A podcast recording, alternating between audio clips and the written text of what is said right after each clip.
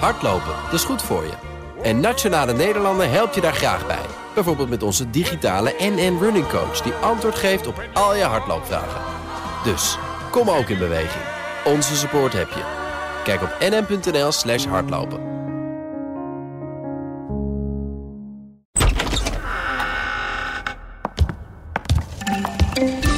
Microfoontje opengooien ook. Dat zou wel eens een stuk beter kunnen gaan klinken. Die van jou doet het nog niet. Oh ja, dat is... eh wacht even. Dat spa. Ja, vijf. Nou doe je het wel. Yo, Ja, oké. ja, zo, kijk. Eh, Het was vast geen saaie week na een, een heel erg enerverend vorige week vrijdag. Nee, het was een hele drukke week met een ingelast Kamerdebat. Allemaal gesprekken over koopkracht, extra begrotingsraden. Ja, ik heb me niet hoeven vervelen. Leonard Beekman, onze Haagse man. En eh, Martijn de Rijk, dat ben ik. En dit is eh Nieuwzoom Den Haag van vrijdag 26 augustus. Dan weten we even een beetje waar we zijn. Hè? Ja, het is de week van het Kamerdebat. En daar werd niet alleen gesproken over stikstof, maar ook over koopkracht. En koopkracht is toch wel het onderwerp van deze week. Want volgende week moet de begroting ingeleverd worden bij de Raad van State. We hebben nog eventjes, hè? Ze houden ook van eh, werken tegen de deadline. Nou, werken Haag. Ze hebben het tot woensdagavond, hebben ze. Ja. Woensdagavond, oké. Ja, Ja, ja, ja. En dan gaat er een belletje af en dan eh, hebben we geen begroting als we het niet halen? Of hoe werkt dat? Ja, nee, dat moet, dat moet er gewoon liggen bij de Raad van State. Dus eh, ja, geen uitstel. En er wordt volop over gesproken, ook vandaag weer in de ministerraad. Er zijn afgelopen week constant begrotingsraden zijn er geweest. Ook gesprekken s'avonds op financiën met de coalitiepartijen. Om te kijken van, nou, hoe gaan we er volgend jaar voor zorgen... dat we nog een klein beetje kunnen bijplussen voor de... Ja, de, eh, de huishoudens die echt het zwaarste lijden hebben onder die koopkrachtdaling. In het Kamerdebat wilde uiteraard de oppositie weten: wat gaat u nou doen? En het liefst nog dit jaar. Dan wil ik heel even naar een korte samenvatting heb ik gemaakt van Van Gennep, wat ze daarover zei. Daarom zijn we deze week zo hard aan het werk om dat pakket, ik kom dadelijk op 2022, om dat pakket voor volgend jaar samen te stellen. De kwetsbaren beschermen, de middengroepen ondersteunen en perspectief bieden en zorgen dat werken loont. Dat zijn de drie uitgangspunten eh, waarlangs we dat pakket leggen. U hebt allemaal een aantal maatregelen genoemd. En natuurlijk liggen er opties op tafel, van minimumloon tot toeslagen, tot de fiscaliteit. De WKR is genoemd, de eerste schijf, huren. En dit zijn allemaal zaken die we op dit moment serieus bekijken. Dat betekent niet dat we het allemaal gaan doen. Dat misschien wat ook niet doen de manier zoals u het wil. Maar we zijn echt naar die pakketten aan het kijken en wat dat voor de verschillende groepen betekent. Dat pakket moet substantieel zijn, want daar vragen deze tijd om. Het pakket moet ook verstandig zijn. Dan gaat het over gerichtheid, ongerichtheid, gaat het over langer termijn. En het zal een combinatie moeten zijn van structureel en incidenteel. Lijkt me verstandig om het verstandig eh, te maken, zo'n pakket. en alles ligt op tafel. Nou, dat geloof ik ook wel. Eh, Het gaat over de herziening van de arbeidsmarkt, minimumloon versneld verhogen, een oproep aan de werkgevers wordt er gedaan. Er wordt ook gesproken met energieleveranciers en gemeenten, geldfit-programma. Dat gebeurt nu allemaal in die augustus besluitvorming. Maar voor 2022, dus voor dit jaar, wilde de minister nog geen verwachtingen wekken. Want die kan ze misschien niet waarmaken om nog dit jaar een beetje bij te plussen. Kaag was gevraagd om bij het Kamerdebat te zijn, maar zij Mhm. was onwel Ja, geworden naar onwel het ziekenhuis gegaan. Ja. Eh, vandaar dat Van Gennep er was. Maar zij is ook verantwoordelijk voor de koopkrachtcijfers als minister. Dus wat dat betreft eh, stond ze op de juiste plek. Nou, van links en rechts, aan van alle kanten, ook aan premier Rutte is er gevraagd. Wat gaat u doen? Eh, geef duidelijkheid. Dit kan toch niet? Mensen die nu al hun energierekening niet kunnen betalen. In de loop van volgend jaar is de verwachting dat er 1,3 miljoen huishoudens eh, in armoede komen te leven. En dan gaat er echt om dat ze niets meer kunnen betalen. Dus dan alle leuke dingen zijn al weg. Eh, maar dan kan je nou, de, de, de basisbehoeften niet meer betalen. Je hypotheek niet, je huur niet. De energierekening kan je niet meer betalen. En het gaat niet alleen om de mensen die nu al aan de onderkant van, de samen, of van, van het loongebouw zitten. Maar ook om de ehm, lage middengroepen. Eh, verkapte armoede. En wat gaat u nou doen? En dan krijg je het onbevredigende antwoord wat we constant horen. We maken het bekend op Prinsjesdag. We gaan er nu nog niets over vertellen.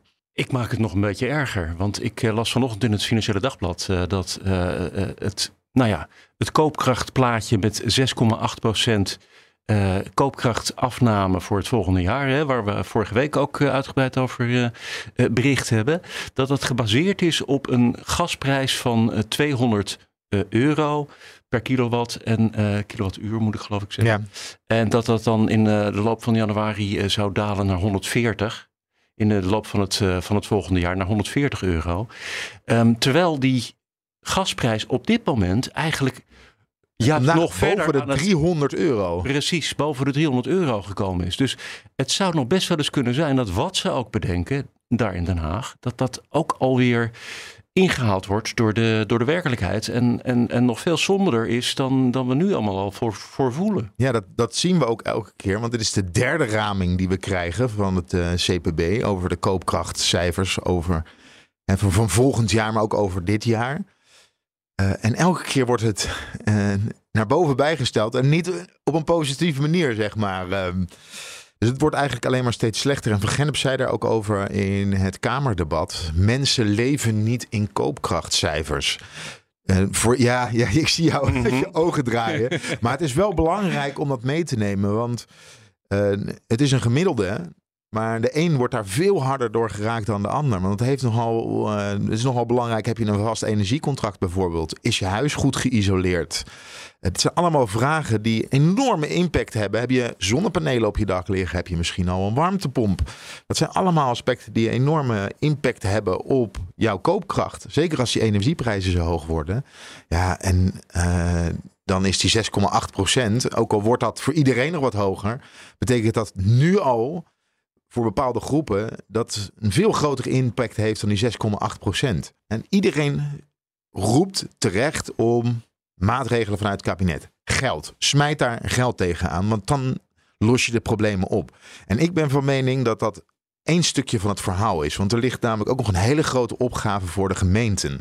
Want de gemeenten zijn namelijk degene die als eerst kunnen signaleren waar schuldenproblematiek zich. Nou, die regeling die, uh, van die 1300 euro, die, is, die loopt al via de gemeente. Die loopt via de gemeente. En dat gaat trouwens goed. Ik heb eventjes een belletje gedaan, want ik ben ooit verslaggever geweest in de Leidse regio, onder andere voor Omroep West. En, en kwam vaak bij de gemeente Leiden, waar ik zelf ook woon. En dan ken ik nog veel raadsleden, wethouder, en ook de, de mensen van de voorlichting, ambtenaren. Hoe gaat dat nou? Nou, dat gaat hartstikke goed. Ze maken zich overigens wel heel erg veel zorgen over studenten. Leiden is een stad met ongeveer 120.000 inwoners. 15.000 studenten. En die studenten zijn nu nog niet meegenomen in deze regeling. Er is een uitspraak in Nijmegen geweest waarbij een, een student naar de rechter is gegaan. En die heeft gelijk gekregen. Zo van, nou, ik, wil ook, ik heb ook recht hierop, want ik word hier ook door geraakt. En dat kan enorme impact hebben op, ehm, en ook voor een stad als Leiden. Want het is nogal een groot deel aan studenten dat daar rondloopt. Dus dat moeten gaan betalen, moeten ze dat geld wel hebben. Maar wat belangrijk is, is dat we krijgen zo meteen te maken met armoede. En ook met verkapte armoede. Met mensen die uh, eigenlijk tot voor kort er goed bij zaten. Twee verdieners, uh, die misschien net een huis hebben, een paar kinderen rond hebben lopen, niet meer rond kunnen komen, zich daarvoor schamen. En te lang wachten, want dat is het probleem bij schuldenproblematiek, is het te lang wachten met aankloppen bij instanties dat je een probleem hebt. En dan kunnen die schulden heel snel oplopen. We hebben dat allemaal wel wel eens gezien dat je een, dat je een rekening vergeet. Nou, voordat je het weet heb je een, uh, heb je een aanmaling. En mhm is het in één keer twee keer zo duur geworden. Nou, als je dat laat opstapelen, kan het echt heel erg hard gaan. En gemeenten die moeten. Of die willen die schuldproblematiek vroeg signaleren. Daar hebben ze ook programma's voor. Uh, schuldhulpmaatje is daar ja, een van. Dat is niet alleen in Leiden. Nee, dat, is, heel Nederland. Het verplicht, is een verplicht programma. Maar bijvoorbeeld ook voor scholen. Hè, komen kinderen met eten naar school? Uh, hebben ze gewassen kleding aan? En gemiddeld wachten mensen met schulden twee tot vijf jaar voordat ze aankloppen. Dat is veel te laat. Dus voor de gemeente is A, mensen hebben geld nodig. Maar B, moet de lokale politiek ook ervoor zorgen dat die schuldenproblematiek uh, op de juiste manier aangepakt wordt. En dat is, daar hoor je eigenlijk nu niemand over, terwijl dat een heel belangrijk aspect is van de aanpak van schulden. Uh, en daar, daar, maken politici zich wel zorgen over. Ja, dan moet nu, wat, wat nu het belang. We hebben het vorige pakket van bijna 7 miljard. was een combinatie van gerichte hulp. Nou, dat was die 1300 euro die via de gemeente bij uh, ehm, mensen tot 120% van het sociaal minimum terecht is gekomen. Maar ook uh, generieke maatregelen, accijnsverlaging, btw-verlaging. Dat willen ze nu niet meer doen, omdat dat terecht komt bij ook bij groepen die het eigenlijk niet nodig hebben. Nee, dat zijn de. Ja, ja dus nu wordt er gekeken. je een auto hebt en uh, misschien zelfs heel goed verdient, omdat je en een hele dure auto hebt, dan heb je dat misschien helemaal niet nodig. Nee, of je hebt twee auto's, ja, dan gaat het nog wel hard. en, ja, precies. uh, dus wordt nu naar gerichte maatregelen gekeken. Bij ons hoorde ik een econoom op de zender die zei van nou de huurtoeslag is daar heel geschikt voor. Zorgtoeslag wordt ook genoemd. Hij zei zorgtoeslag, maar zorg of huurtoeslag kan je daarvoor gebruiken. Uh, die de groepen die bijvoorbeeld huurtoeslag krijgen, en daar is van bekend dat dat heel effectief is om daar aan te gaan draaien. Want dat zijn ook 70% van de mensen die huurtoeslag krijgen, horen ook bij die groep die het hardst geraakt wordt door die koopkrachtdaling. Dus als je daar wat extra bij die huurtoeslag kan geven, dan bereik je zo'n groep heel uh, effectief. Maar alles ligt dus nog op tafel. Ja, dus we moeten kijken waar ze mee gaan komen. Uh, en het moet een combinatie zijn van structurele maatregelen en incidentele maatregelen. Want als je structureel nu te veel gaat doen en uh, onverhoopt, laten we het hopen, het gaat zometeen beter met de economie, dan heb je wel een enorme kostenpost als overheid door iedereen die extra structureel extra geld geeft. Um, maar gericht, ja, dit, hier moeten we het mee doen, Martijn. Gerichte maatregelen, zowel structureel als incidenteel. Er wordt gekeken naar werkgevers. Ook. Ja, en de werkgevers, hè, de lonen oh moeten, moeten omhoog. Er moet verstandig, niet generiek, omdat de inflatie alleen maar aanwakkert. Nou, dat is een beetje de nou ja, En ook omdat uh, sommige werkgevers net zoveel last hebben, zo niet meer last hebben van de energieprijzen dan uh, uh, gewone particulieren. Ik bedoel, als je een, een, een energie-intensief bedrijf runt, ik noem maar wat, een kas of zo hebt. Ja, dan is een loonsverhoging, dat zit er dan even niet in, stel ik me zo voor. Nee, zeker niet. Nee, nee het, het was me wel een debat, hè, dinsdag. Met een wonderlijke uitspraak van Wopke Hoekstra. Ik sta achter het regeerakkoord. Ik realiseer me dat dat schuurt met het interview, want daar sta ik ook achter. En vervolgens hebben wij in kabinet uh, en in de ministerraad afgesproken met elkaar dat we het proces van Remkes afwachten. Martijn, jij zei voordat we gingen beginnen: ik kan dit eigenlijk niet meer horen. Waarom niet? Het is zo'n extreem voorbeeld van de kool en de geit sparen. Ik bedoel, uh, uh, je, je, kunt niet aan de ene kant zeggen dat je, uh, dat je staat achter wat er besloten is. En aan de andere kant zeggen dat het toch anders moet. Het is het een of het ander. Lidia Marijnissen zei tijdens het debat, en het duurde uren, het heeft bijna twaalf uur geduurd. Wat de mensen die dit volgen, wat hebben zij hier nou eigenlijk aan gehad? Zowel op het gebied van stikstof als op het gebied van koopkracht. En dat gevoel had ik ook toen ik ernaar zat te kijken. En zeker bij deze uitspraak van Bobke Hoekstra. Het is weer, dit is Haagser dan dit kan het eigenlijk niet. We hebben het eerder gezien in het mondkapjesdebat met Hugo de Jonge. Hij zei, ik was betrokken, maar had geen betrokkenheid. Nou, toen dacht je al van, nou, veel verder kan je creatief met taal eigenlijk niet oprekken. Maar Hoekstra gaat nog even een stapje verder. Die zegt gewoon, ik sta achter het een en ik sta ook tegen het ander, wat totaal tegen tegen elkaar ingaat. Tegen elkaar ingaat. Ja. Ja, en er wordt veel gesproken over vertrouwen in politiek. En het is, ik denk ook mensen hebben ook te snel geen vertrouwen in uh, politiek. Matthijs Bouwman schreef in het Financieel Dagblad, uh, Financiële Dagblad een column van de week. Waarin hij zei, ja, aan de ene kant wordt er gevraagd om sterk leiderschap en daadkracht. Maar als er sterk leiderschap en daadkracht is, bijvoorbeeld op dit stikstofbeleid, dan wordt dat ook weer uh, afgestraft. afgestraft. En dat is natuurlijk wel de spagaat waar je, waar je nu in terecht bent gekomen. En als je het over het vertrouwen in de politiek hebt. Ja, als je. Het, het is te snel weg. Mensen zijn te snel ontevreden. Maar als je dit hoort. Ja, dan kan ik me voorstellen. Maar ik, ik zit me vooral ook af te vragen: van wat heb je hier als boer aan? Ik bedoel, dit is een. Je, je, je voelt zo aan elke lettergreep bijna in die zin dat uh, je hier niet op kunt bouwen. Dat dit een, een, een, een tekst is die ja, zowel jou als boer moet paaien als uh, uh, het, het coalitieakkoord overeind moet houden. En dat kan niet allebei. En Pieter Heerma, fractievoorzitter van het CDA, CDA, ging daar vol achter staan, achter zijn partijleider. Hij zegt hetzelfde, we moeten het proces Remkes afwachten. Nou, Remkes is geen wonderdokter. Dat uh, viel ook in het, uh, in het debat. Uh, Remkes is nu in gesprek met de agrarische sector. Ook met, hij, hij, wilde spreken met supermarkten, maar dat is niet gebeurd. Maar met provincies, lokale besturen. Hij moet nog een keer in gesprek met, met, met de agrarische sector. En daarna moet hij met een, weet niet eens waar hij mee gaat komen. Met een rapport, met eindconclusies, met uh, een overziening. Dat is niet eens duidelijk waar die, uh, want waar, waar die naartoe werkt. Net uit een soort vrije opdracht nou ja, heeft. Vrede op aarde, zoiets. Uh, ja, en ja. Remkes moet dan zometeen het gouden ei hebben waar, waarmee we uit deze impasse zijn. Waarbij we dus aan de ene kant ons aan het coalitieakkoord gaan houden. Hè? De coalitiepartijen. Sophie Hermans zei afspraak is afspraak. Wij houden ons eraan. 2030, dat is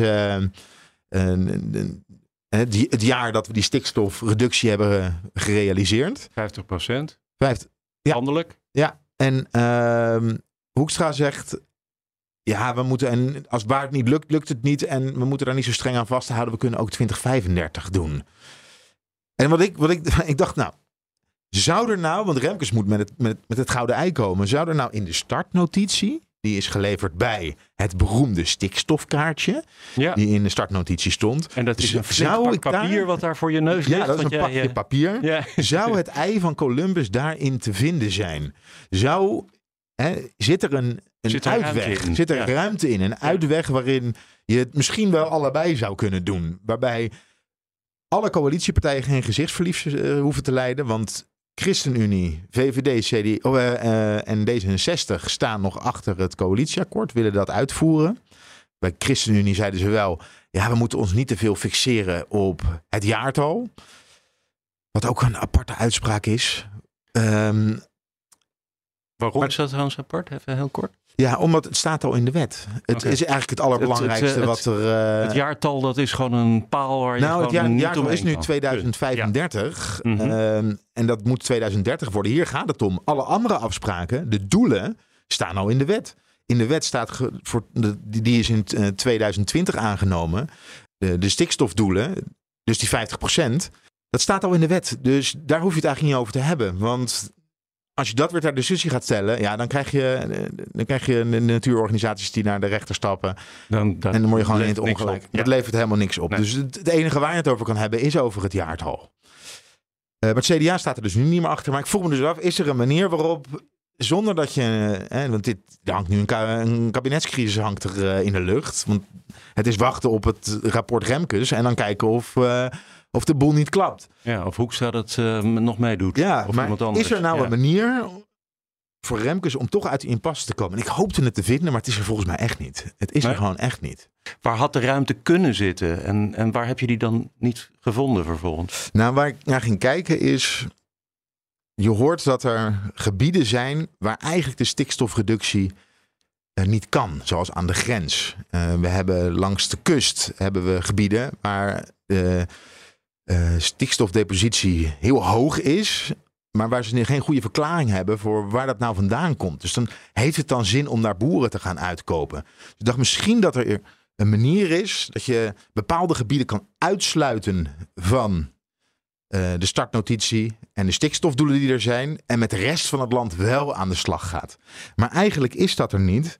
En jij vroeg trouwens, wat is die startnotitie nou eigenlijk? Hè? Nou, ik heb hier Mhm. het zinnetje. De startnotitie is de aftrap van een langjarig transitieproces en partnerschap waarbij het Rijk mede-overheden uitnodigt om samen de startnotitie uit te werken. Dus, hè, en dat de startnotitie is het Nationaal Programma Landelijk Gebied. En het beroemde kaartje staat hier dus in. En in dat kaartje staat er ongeveer, dat zijn richtinggevende doelen, eh, hoe hoog de stikstofreductie in welk gebied moet zijn. En nu is het aan de provincies om daar vorm aan te geven. En de provincies hebben daar heel veel ruimte in om dat te doen.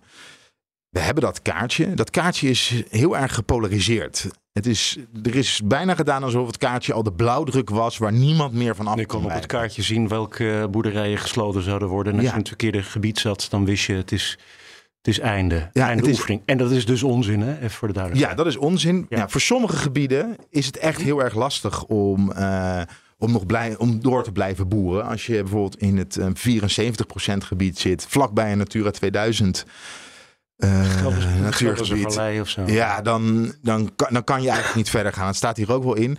Maar de provincies hebben de ruimte om te kijken uh, welke maatregelen zijn waar het effectief, eh, effectiefst. Als het ergens op plaats A niet lukt, kunnen we dan in, op plaats B wat meer doen, zodat het bij elkaar, want ze hebben een totale opdra, op, mm opgave, zodat het bij elkaar uh, we toch onze doelen halen. En er is ontzettend veel ruimte voor de lokale overheden. Het heeft dus niet zoveel zin om ergens een boer weg te halen die een hele lage stikstofuitstoot heeft. Uh, terwijl de buurman het veel en veel slechter doet. Uh, en dan moet je bij de buurman moet je aan de slag. En yeah. Het is aan de provincies om daadwerkelijk het erf op te gaan en uh, te gaan kijken waar kunnen we nou het meest effectief die stikstofreductie voor elkaar krijgen. En er is ontzettend veel ruimte. En daar vroeg ik ook nog eventjes stikstofminister Van der Wal naar. Naar vooral de polarisatie die is ontstaan. Alsof er geen enkele ruimte meer is om zelf beleid te maken. Sowieso die polarisatie en die beeldvorming. En ik noem dat wel eens vechten tegen de bierkaai. Alsof het een kaalslag van het platteland is. Alsof wij het boerenerf oplopen met ME erbij en iedereen komen onteigenen. Dat is gewoon niet waar. Um, het zijn gebiedsgerichte processen van onderop. Waar we alle ruimte geven, juist in de gebieden, om alle kennis en kunde van boeren juist in te kunnen zetten. Want zij werken in het gebied. Zij weten wat de bodemkwaliteit is. Zij weten wat er nodig is. Dat willen we inzetten onder regie van de provincies. Het enige waar ik op stuur is de optelsom voor heel Nederland. Moet halvering van die stikstofuitstoot zijn. Ja, en dat is toch echt al, uh, al maanden uh, mijn verhaal en ook uh, hoe ik het vertel. Maar goed, communicatie is iets met zenden en ontvangen, geloof ik. Ja. Ja, ik, hoorde, ik hoorde de kerkklokken in, in de achtergrond. ja. ja, dan is het ook hè, een klacht die je bij, bij, bij alle groepen die bij Remkes zijn gekomen hoort, is ja, we, we willen graag, we missen integraliteit. En dat betekent, kijk niet alleen naar stikstof, maar kijk ook naar klimaat, naar natuur, naar water. En dan denk ik van ja, dat staat echt, dat wordt zo vaak herhaald in die startnotitie, dat dat wel van belang is. Er staat letterlijk de drie kerndoelen waar we, naar, waar we, waar we voor werken, is natuur, water en klimaat. En dat wordt niet één keer herhaald in die startnotitie. Dat wordt Constant wordt dat herhaald. Het feit dat klimaat, eh, of de, de andere sectoren, en, en dat daar nog niet naar gekeken is wat hun bijdrage is, dat wordt wel degelijk benoemd. Dat moet later moet dat nog komen, maar dat wordt benoemd. En je hoort Van der Wal hier ook zeggen, laten we nou eens gaan beginnen. En uh, het klinkt een beetje, de hoop is, de, we moeten gaan werken aan verbetering, hè, aan natuurherstel. En de hoop is een beetje, ik wil het niet doen, laat iemand anders het maar doen. Maar het is een, een aanpak waar iedereen een steentje aan moet bijdragen. Evenredig. Dat staat hier ook in. En op het moment dat blijkt dat alles veel effectiever is uh, dan in eerste instantie gedacht, uh, dan kan het ook wel wat minder. Uh, want er wordt wel naar effectiviteit gekeken. Er wordt gemeten uiteindelijk hoe groot die stikstofdepositie in die natuurgebieden is. Uh, dus ik ben het niet en, eens. En het kan minder uh, als in minder boeren die moeten stoppen. Of, uh, ja, het lastige is natuurlijk wel als ja. je een boer uitgekocht hebt en het blijkt dat je, dat je er te enthousiast bent geweest. Ja. Dan kan je niet meer zeggen, nou begin maar weer. Dus dat is wel heel, heel lastig hieraan. Ja. maar als we zo meteen weten hoe groot de bijdrage van de industrie of van de luchtvaart of van de scheepvaart is, en dat blijkt groter te zijn, dan kunnen ook, en dan kan ook uh, de doelen voor de stikstofuitstoot vanuit, het, vanuit de boeren kan omlaag. Want het gaat hè, om het gebied. Maar je hebt twee soorten stikstof. Ja. Je hebt ammoniak en je hebt stikstofoxide. Ammoniak komt bij de boeren vandaan, slaat uh, dichtbij neer. En stikstofoxide komt onder andere uit de industrie. Uh, luchtvaart, en dat waait, dat waait veel makkelijker ja. weg. Dat waait ook het land uit. En daardoor is die opgave voor de landbouw en vooral voor de veeteelt is veel uh, groter en heeft veel meer effect dan op het moment dat je met de luchtvaart aan, uh, aan de slag gaat. Uh, moet wel gebeuren, dat wordt hier ook in gezegd. Maar daardoor ontstaat niet de, ruimte waar, waar veel mensen in, in, de, in de veeteelt nu op hopen, zodat zij gewoon lekker door kunnen gaan met waar ze nu bezig zijn. Dat is niet het geval. De sleutel ligt nu bij de provincie. Zij moeten gebiedsprogramma's gaan maken. Zij moeten de afspraken gaan maken waar moet wat gaan gebeuren. En dat vinden de provincies eigenlijk best wel lastig. En je hoort twee klachten vanuit maandag hebben de provincies aan tafel gezeten bij, bij Remkes. Ik, dat wou ik net zeggen. En ja. ja, ze hebben twee soort Ja. tegenstrijdige eh, klachten. Eh, wat in het gesprek ook eh, wel een rol speelde, dat was de balanceeract tussen aan de ene kant de behoefte om in de gebiedsprocessen ruimte te hebben, maar aan de andere kant om vanuit het Rijk ook duidelijkheid eh, te krijgen. Aan de ene kant willen provincies willen hun eigen beleid gaan uitzetten. Niet vanaf bovenaf gedwongen worden om te doen wat het Rijk wil. Dat stikstofkaartje. Hè, ruimte. Dat, die ruimte is er volop. Maar aan de andere kant eh, willen ze ook duidelijkheid en sturing hebben. En ja, volgens mij zitten provincies met die moeilijke keuzes gewoon in de maag. Zij moeten hier dit beleid vorm gaan geven. Ja, zij zien wel dat ze keihard moeten zijn. En Ja. dan krijgen ze ook de zwarte piet. Dus eh, dat is natuurlijk ook een vervelende situatie. Dat is wel begrijpelijk. Ja, maar de ruimte is er. En het is gewoon geen makkelijke opgave en geen makkelijke boodschap waarmee ze richting eh, de veeteelt. Eigenlijk het veet, en, en Ja, de hè, veeboeren. want dat- die, die ja. het meest. Ja. Ja, in, eh, in de buurt van die Natura 2000 gebieden. En dan wil ik het nog even over het jaartal hebben. Ja, dat jaartal is toch een beetje een symbolische discussie. Eh, in de zin van, ja, je kan wel vijf jaar langer erover doen. Maar daarmee is de opgave die je hebt, wordt daardoor niet kleiner. Want de afspraken staan al lang, die staan al twee jaar. Eh, je, je zegt alleen, we doen het vijf jaar later. En wat heb je daar nou eigenlijk aan? Het is gewoon eh, uitstel. Nou, executie wil ik dan niet zeggen, maar je trekt. Ja, in sommige gevallen zal het daar ja, zal, neerkomen. zal het ja. daar wel op neerkomen, Ja. ja. Maar wat heb je daar nou eigenlijk aan om die discussie te gaan voeren? En ook, we hebben in Trouw kunnen lezen, 37 wetenschappers die zeggen... ja, we zijn al heel laat met, de, met die natuurherstel. Ja, we en- kunnen eigenlijk niet langer wachten. Het zou nog eerder moeten zelfs. Ja, ik heb het ook inderdaad eh, gevolgd en gelezen. Die natuur die valt op een goed moment om. Dan, dan kun je dus niet meer eh, dat terugkrijgen. Dat is dan eh, jammer, maar helaas. Dat is dan verloren gegaan. Ja. ja, en wat dat betreft, het CDA zal, als ze het voor elkaar krijgen, dan klapt het kabinet uit elkaar. En hebben ze in ieder geval geen gezichtsverlies geleden richting de achterban. Misschien redt het nog wat voor de provinciale statenverkiezingen van, van volgend jaar. Eh, maar het is niet zo dat daarmee deze problematiek opgelost is. En dat vind ik ook wel eh, opvallend aan deze startnotitie. En dus het Nationaal Programma Landelijk Gebied. En het kaartje dat daarbij zat. En twee jaar lang stonden de doelen al. En hebben mensen gedacht: 2035, dat is nog zo ver weg. Daar gaan we ons dan tegen die tijd. Erbij. Gaan we, con- het beleid wordt concreet gemaakt. En niet, eens echt. Hè, de richtinggevende doelen. En het land staat op zijn kop. Ja, het moest een keer gaan gebeuren. Het gebeurt nu vijf jaar eerder. Maar het moest een keer gaan gebeuren. En nu gebeurt het. Eh, en het lijkt nu net alsof dit beleid nu ontstaan is. Alsof Van der Wal in er eentje verantwoordelijk is voor eh, de, die stikstofreductie en die doelen die er gesteld zijn. Terwijl dit uit het vorige kabinet komt. En dat vind ik toch wel verbazingwekkend. Ja, maar ja, het is wat het is. Hè? En de boeren die staan eh, met eh, omgekeerde vlaggetjes eh, nou ja, op de kruising van diverse snelwegen. Het, het, het, het, het is toch ook echt fix misgelopen. En waar, waar, waar zit hem dat dan in? Want, nou ja, wat je zegt, ze wisten dit dus. Ja, als je mij vraagt waar is het misgegaan. dit dossier wordt bewust gepolariseerd in mijn ogen. Vanaf moment één.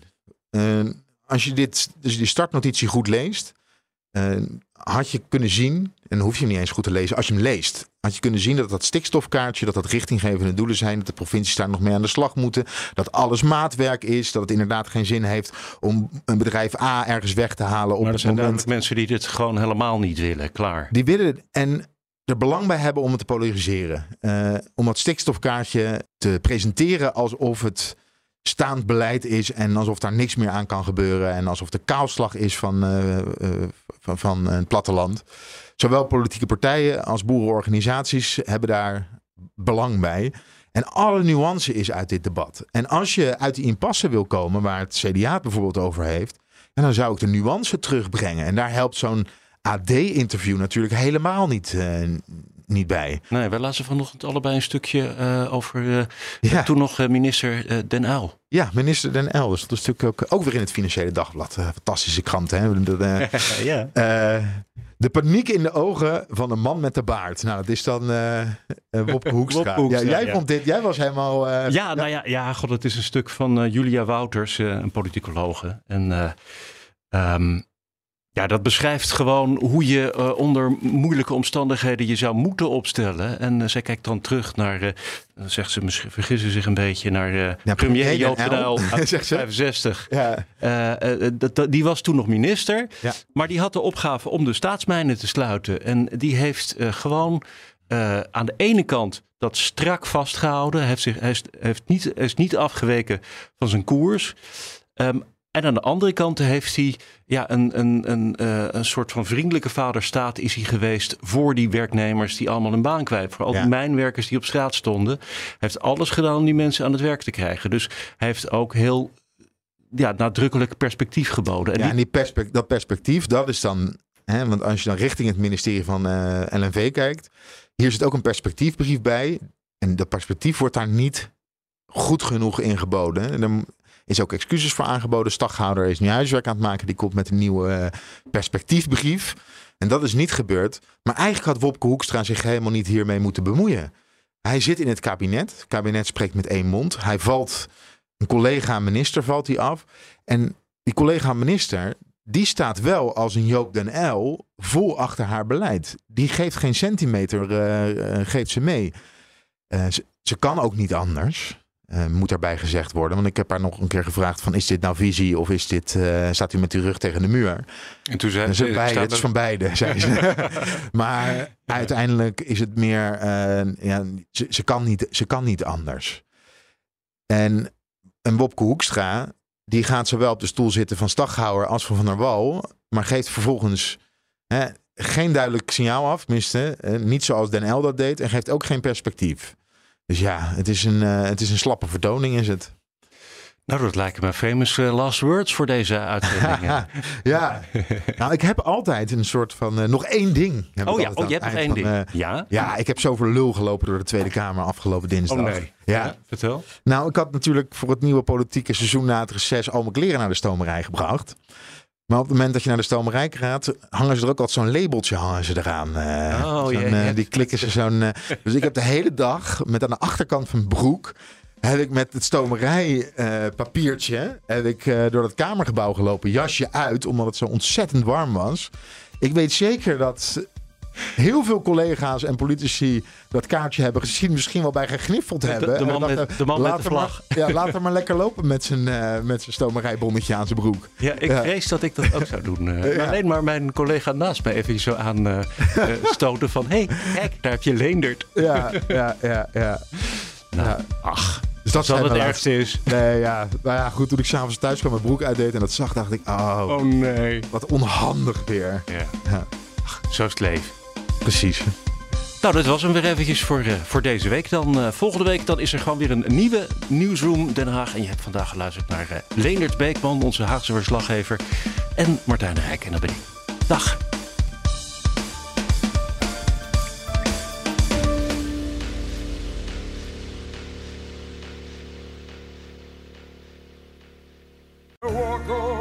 Hardlopen, dat is goed voor je.